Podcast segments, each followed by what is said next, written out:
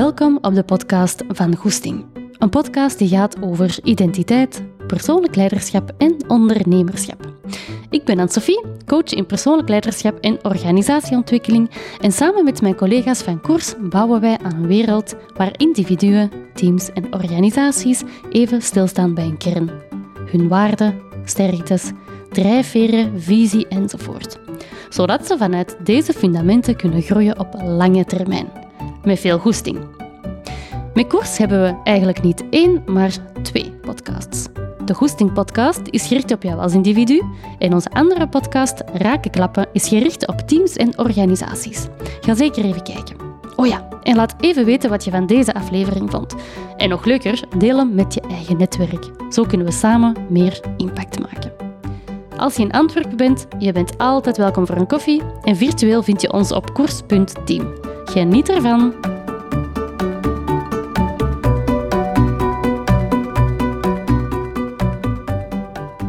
Mijn weg van ratio naar intuïtie.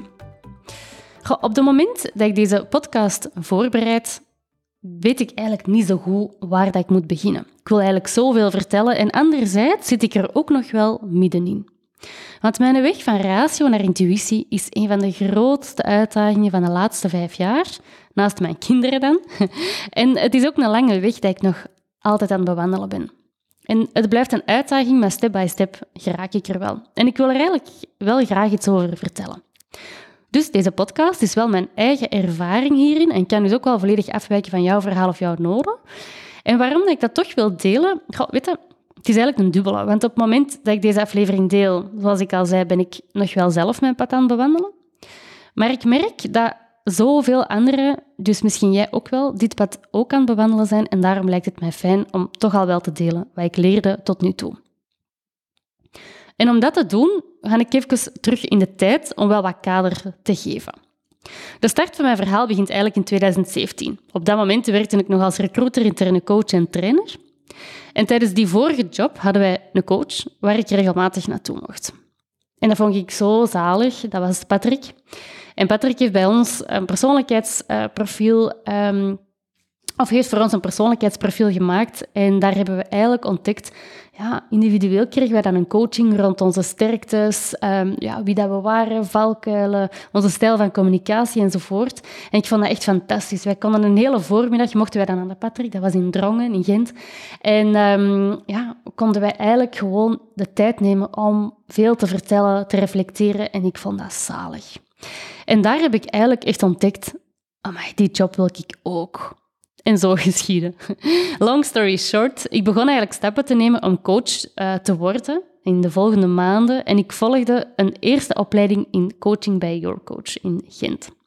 En daar is eigenlijk mijn bewustzijn begonnen. Want ik herinner me nog heel goed dat ik altijd dezelfde beginvraag had um, in rollenspellen en intervisies. En dat was, ik voel onrust en ik ben eigenlijk constant gejaagd. En ik wil daaraan werken, want ik vind dat niet zo leuk. Maar ik had eigenlijk geen enkel idee hoe dat, dat kwam. Ik wist niet wat ik nodig had om hier aan te werken. Ik kende de oorzaak eigenlijk ook helemaal niet. Ik wist alleen dat ik onrust ervaarde en druk was in mijn hoofd. Ik piekerde ook wel heel veel destijds. En tijdens zo van die coachingopleidingen moet je heel veel rollenspellen doen en coacht je eigenlijk elkaar. En tijdens elk rollenspel of oefening of intervisiemomentje had ik diezelfde vraag.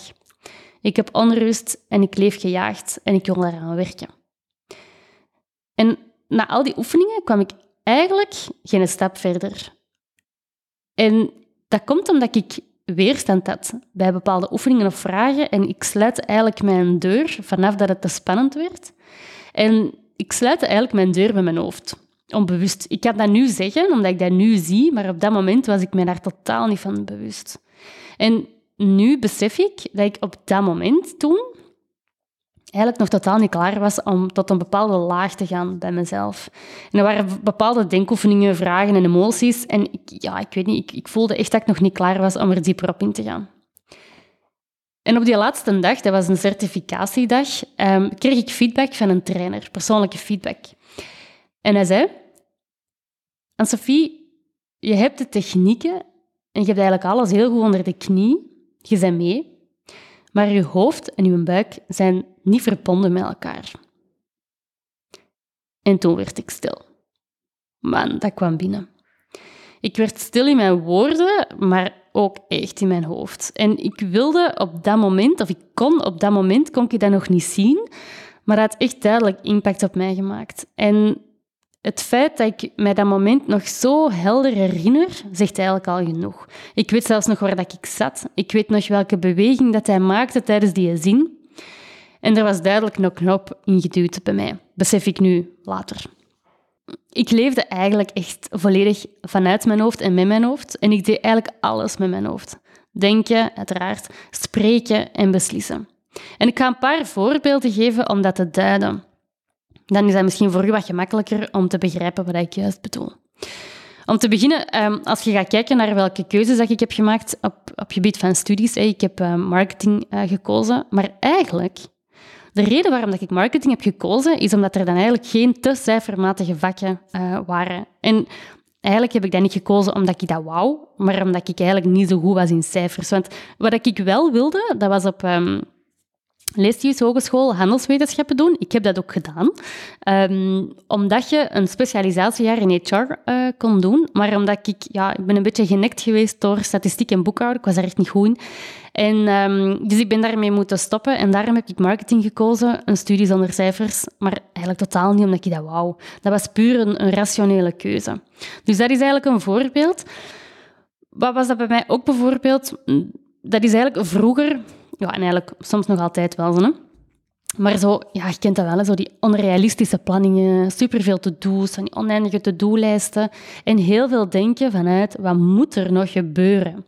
En door al die moetjes en die onrealistische to-do-lijsten werkte ik in die eerste jaren als zelfstandige ja, zeker 15 uur per dag of zo tijdens mijn eerste jaren. Hè. Um, en ik bleef maar doorgaan en ik sloot eigenlijk volledig de impact daarvan op mijn lichaam af. Ook dat besef ik nu. Hè? Want je zult denken, maar die zat 15 uur per dag. Ja, dat is zo. Maar op dat moment was dat, um, omdat ik heel hard leefde, ja, ik weet niet, vanuit mijn hoofd, heel hard vanuit, ja, wat moet nog allemaal? En nu, even een kleine side note. We weet wel dat deze ook met andere dingen te maken heeft. Hè. Dat heeft ook zeker een stuk te maken met perfectionisme. Ik kan daar nu niet over uitweiden, maar ik heb er wel een hele podcast-aflevering aan gewijd. Dat is de vorige, de aflevering 19 is dat. Dus um, onrealistische planningen um, heel hard met mijn hoofd en het moetjesverhaal. Nu, wat nog? In mijn vorige job, dus mijn job als uh, recruiter, um, ben ik eigenlijk heel snel, na een jaar denk ik al, denk ik nog maar een jaar aan het werken was, um, moest ik eigenlijk al, of werd ik gevraagd om in een sturende functie te komen. Ik moest een kantoor leiden in, uh, in Antwerpen Even ook daar, kleine side note. Um, ik was, wij waren toen met twee of met drie. En op zich, ja, ik, ik heb dat heel erg bekeken als zijnde van, oh, dat is een opportuniteit, dat is kei over mijn cv, ik kan kei veel uh, leren. En dat was ook wel zo. Maar eigenlijk, als ik beter naar mezelf had geluisterd op dat moment en als ik daar gewoon even bij had stilgestaan, was ik er eigenlijk totaal niet klaar voor. Um, ik was totaal niet klaar om ja, dat, dat kantoor mee te trekken, op, misschien wel op operationeel niveau, maar niet per se op niveau van leidinggevende functie. Ik was zelf nog maar een jaar afgestudeerd, dus dat, was, dat klopte eigenlijk niet. Um, maar op dat moment had ik dat niet door, omdat ik veel meer gefocust was op oh, dat is een goede kans en ik ga keihard kunnen leren enzovoort. En in die functie, maar eigenlijk ook wel latere functies, bleef ik eigenlijk gewoon maar doorgaan en doorgaan en doorgaan. Ik was super plichtsbewust, betrouwbaar. Um, ik nam veel initiatief, heel doelbewust. En ik verzette bergen. Ik, kan eigenlijk op heel korte tijd heel veel uh, verzetten van werk. Ja, en enerzijds is dat een good thing, want um, daardoor kreeg ik heel vaak nieuwe kansen en opportuniteiten. Maar natuurlijk, hè, want ik was die zot die keihard werkte en hoge lat had en gewoon bleef gaan. Um, dus ja, ik ging altijd in op die opportuniteiten, want ik vond dat ook wel leuk dat ik die kansen kreeg. En pas op, hè, want ze hebben mij ook wel gebracht um, bij waar ik nu sta. En ik weet niet of ik echt het achteraf per se anders had willen doen. Maar dat is wel een mes langs twee kanten keihard snijdt. Want ik ging daar wel gewoon allemaal op in, maar ik stond totaal niet stil um, van, ja, wil ik dat wel? Vind je dat wel leuk? Past dat bij wie dat ik ben? Um, waarom doe ik de dingen eigenlijk? Heb ik hier ruimte voor? Enzovoort, enzovoort. Um, dus daarin is mijn sterkte ook wel mijn grootste valkuil. Want doordat ik die sterkte wel heb van, oké, dat, dat, dat ondernemingsgezin en dat heel doelbewuste, dat zorgt er ook wel voor dat ik mijn eigen kan voorbijlopen. Dus bij mij persoonlijk is dat iets waar ik heel hard op moet letten of heel bewust van moet zijn. Een recenter voorbeeld um, zijn eigenlijk mijn kindjes. Ik heb twee dochters. Um, Manon, die is nu iets meer dan 2,5. En Stella is nu zeven maanden op het moment van de podcast. En zij zijn eigenlijk allebei met een aller, allergrootste spiegel. En dus ook wel confrontatie geweest. Ik denk dat Manon en Stella de beste coaches ter wereld zijn. En als je zelf misschien ook kinderen hebt, um, weet dat je kinderen je beste coach gaan zijn dat je ooit hebt gehad. en um, met een aanpak van Manon en Stella kon ook eigenlijk helemaal niet anders zijn. En ik kan dat heel even uitleggen, want dat is eigenlijk een keigoed voorbeeld van, van heel mijn weg van ratio naar intuïtie. Nu, bij Manon, dat was mijn eerste dochter. Um, dus ja, je bent al zo wel wat onzeker en je weet niet zo goed ja, wat er op je afkomt en zo. Dus ik las enorm veel boeken. Ik had een app, die Oei Groei-app. Ik googelde echt massa's, zeker tien keer per dag of zo. Zeker in die eerste weken. En als ik even onzeker was over iets, bijvoorbeeld, um, die huilde of die sliep niet goed en ik wist niet waarom, dan ging ik op zoek naar antwoorden. En ik ging op zoek naar antwoorden buiten mezelf. Ik googelde en ik liet mezelf sussen door uh, dat internet. Bijvoorbeeld, als ik dan een antwoord vond, ah ja, slaapregressie op vier maanden, oké, oké, het is oké. Of clusteren, ah ja, oké, ik doe niks fout, dat is normaal dat hij zoveel eet. Of zo'n sprongetje, ah oké, oké, ja, het is om zoveel weken, het is een sprongetje, oké, er is niks aan de hand. dus ik ging eigenlijk, vanaf dat ik zo onzeker was of niet zo goed wist, ik ging zoeken, ik zocht een verklaring, of dat die waar was of niet, dat maakte mij op dat moment niet uit, dat gaf me ergens rust. En op zich, in die periode, hielp mij dat ook wel.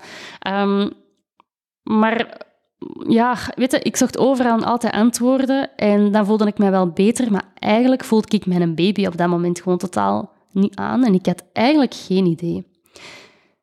En als ik er later op terugdenk, waren er eigenlijk best wel wat zaken die niet goed aanvoelden voor mij, maar op dat moment had ik dat eigenlijk helemaal niet door, omdat ik zwart in mijn hoofd zat met wat moest. Of met wat ik gelezen had, of wat kind en gezin mij vertelde. Maar omdat ik zo gefocust was op al die externe input en advies, kon ik eigenlijk totaal niet raken tot bij mijn intuïtie. Nu, ik wil daar helemaal niks slechts over zeggen, um, over um, kind en gezin of, of het, het, lezen van boeken, want ik sta daar 100% achter, of course.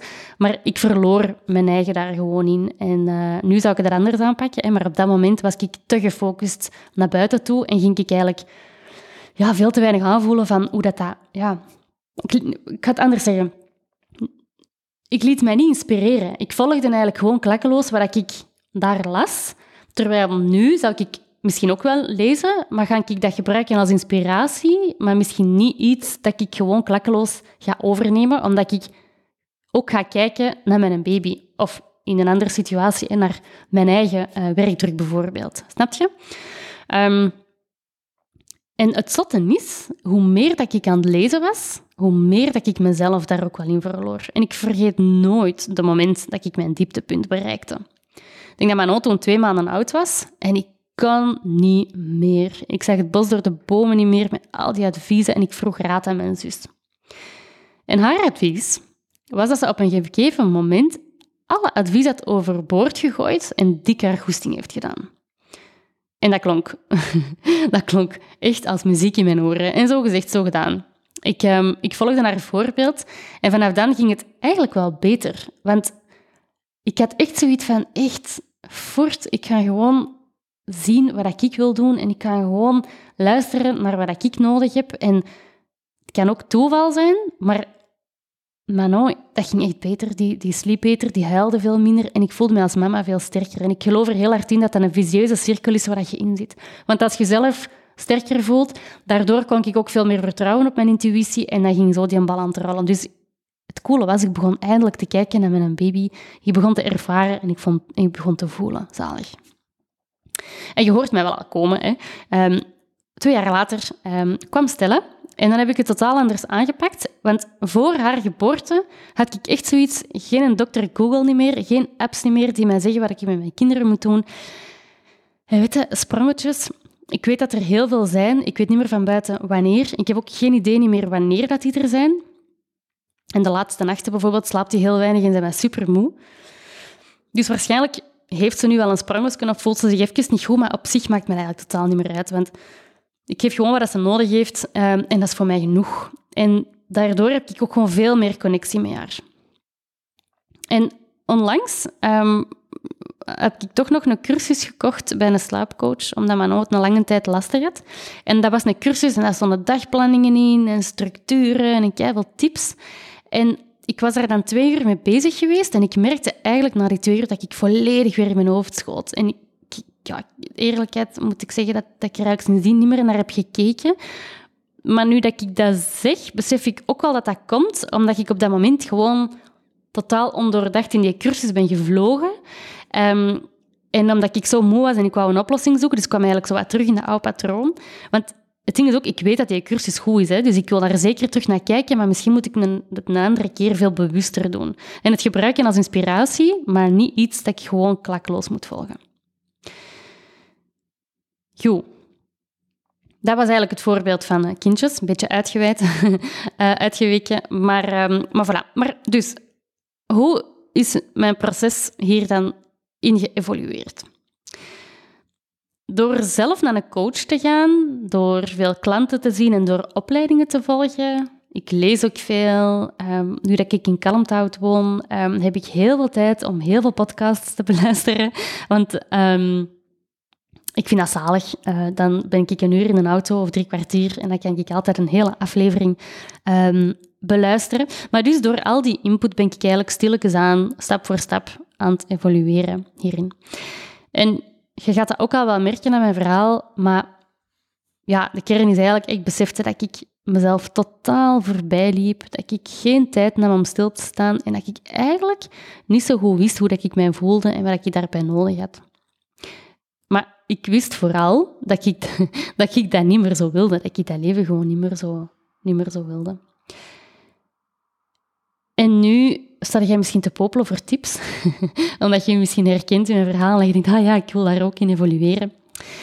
normaal geef ik heel veel tips. Ik vind dat ook altijd belangrijk om dat te doen. Um, en ik hou er ook wel van om dat concreet en testbaar te maken. Maar ik vraag me eigenlijk af of dat, dat nodig is vandaag um, en in deze aflevering. En ook of dat dat überhaupt kan met deze thema.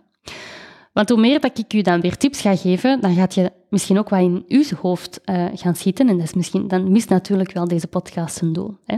Maar wat ik u wel kan vertellen, is dat bewustzijn voor mij de allergrootste stap was. En ik hoop dat met deze podcast, um, dat je voor jezelf ook wel daar dan misschien bewuster in zijt. En dat je ook wel eens even kunt stilstaan bij jezelf van oké, ja, hoe is dat nu bij mij?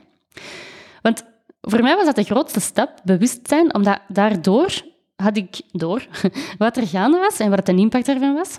En doordat ik dat wist, ben ik veel meer beginnen stilstaan. Eigenlijk bijna continu. Want als iemand nu mij iets zegt, dan ga ik altijd even bij mijn eigen ten raden. Hè. Ehm, ik stel mezelf zo wat de vraag, dat is onbewust. Hè. Het is niet dat ik die vragen voor mezelf opschrijf of zo, maar nu gaat er zoveel meer in mij om van oké, welke impact heeft dat gesprek op mij? Of hoe voel ik mij in een situatie? Of misschien ook bij een persoon. Um, wat, doet mijn wat doet mijn lijf met mij als ik te weinig slaap? Hoe uitstressig? Um, wat gebeurt er als ik dingen doe die dat ik graag doe? Enzovoort. Dus ik ga veel meer observeren um, wat er gebeurt bij mij en ik ga daarmee aan de slag. ik ben ook veel opener geworden over hoe dat ik me echt voel. Vroeger deed ik dat ook wel, maar dan, was ik, dan zei ik iets en dan zeg ik zo daarna, ja, maar dat komt wel goed, of dat is normaal, of dat gaat wel beter met de tijd. Of voor alles is een oplossing. Of het is tijdelijk, je kent dat wel. Zo dat echt rationaliseren van, uh, van mijn gevoelens. Hè, waardoor dat ik ze eigenlijk niet echt voelde. Hè, want ja, als je dan direct na, na je gevoel zeg maar, zegt van ja, het komt wel goed, het gaat wel beter, ja, dan is dat eigenlijk niet echt aan het voelen. En dan zijn dat eigenlijk ook wel echt aan het rationaliseren. En dat is eigenlijk super jammer, want je gevoelens vertellen echt zo, zo veel over u. Als, als er echt één ding is dat ik heb geleerd, is het echt wel dat. Um, gebruik je lichaam als een bron van informatie. En gebruik je lichaam als je eigen kompas. Want als jij boos bent of als jij verdrietig bent, dan zegt u dat iets. Hè. Um, en als je een lange tijd, bijvoorbeeld, als je een lange tijd kei moe bent en je hebt heel veel stress, dan kun je dat wegrelativeren door te zeggen van ja, maar dat komt wel goed. Maar het kan ook wel anders. Je kunt ook wel even naar binnen keren en even stilstaan bij ja, hoe, hoe dat je eigenlijk voelt. En als je die ruimte neemt voor jezelf, dan komen die antwoorden en die noden ook wel vanzelf. Want als je even stilstaat bij die moeheid en, en die stress dat je hebt, dan gaat je misschien daardoor een gesprek aan met je baas of je collega. Of misschien ga je wel vroeger slapen. Of misschien beseft je wel van, oh, ik heb eigenlijk zo wel wat nood om terug wat meer te sporten of wat meer buiten te komen. En, en weet je, dat zijn, deze zijn maar kleine voorbeelden, hè, maar je merkt wel dat door dat rationaliseren gaat eigenlijk niet vooruit gaan. Want ik ga dan nog even herhalen, want ik vind dat zo belangrijk. Je gevoelens vertellen nu echt kei, kei veel. En als je daar bewust van bent, dan ga je merken dat je het bijna als een nood um, ervaart om die toe te laten. Want het is door ze toe te laten dat je wel vooruit gaat geraken. Omdat je eigenlijk daar antwoorden in gaat vinden um, in wat je nodig hebt. Voilà. Als zo dadelijk de podcast afgerond is, dan zou ik u echt heel graag willen uitnodigen om even stil te staan bij jezelf. En laat ook even inwerken welk effect dat dit verhaal op u heeft of heeft gehad. En sta even stil bij hoe dat je voelt. Zijn je moe? Zijn je net energiek misschien net niet? Heb je stress? En ga even daarbij stilstaan en je hoeft daar niet per se actie op te nemen. Als je dat momentje voor jezelf al neemt, dan eh, is dat al een heel groot cadeau dat je aan jezelf hebt gegeven. Voilà, dan zou ik uh, nog willen eindigen met mee te geven van geniet er ook wel echt van, van dat proces van stilstaan bij jezelf. Want je gaat er zoveel sterker uitkomen en zoveel verder vooruit mee geraken. Dat is het beste cadeau dat je zelf kunt geven. Ziezo, het zit erop. Ik vond het super fijn dat je luisterde. Dank je wel daarvoor. En laat ook zeker even weten wat je van deze aflevering vond. En nog leuker, delen met je eigen netwerk, want zo kunnen we samen meer impact maken. En als je meer wil weten over onze programma's, ga dan zeker even naar onze website www.koers.team of stuur me een berichtje. Tot binnenkort!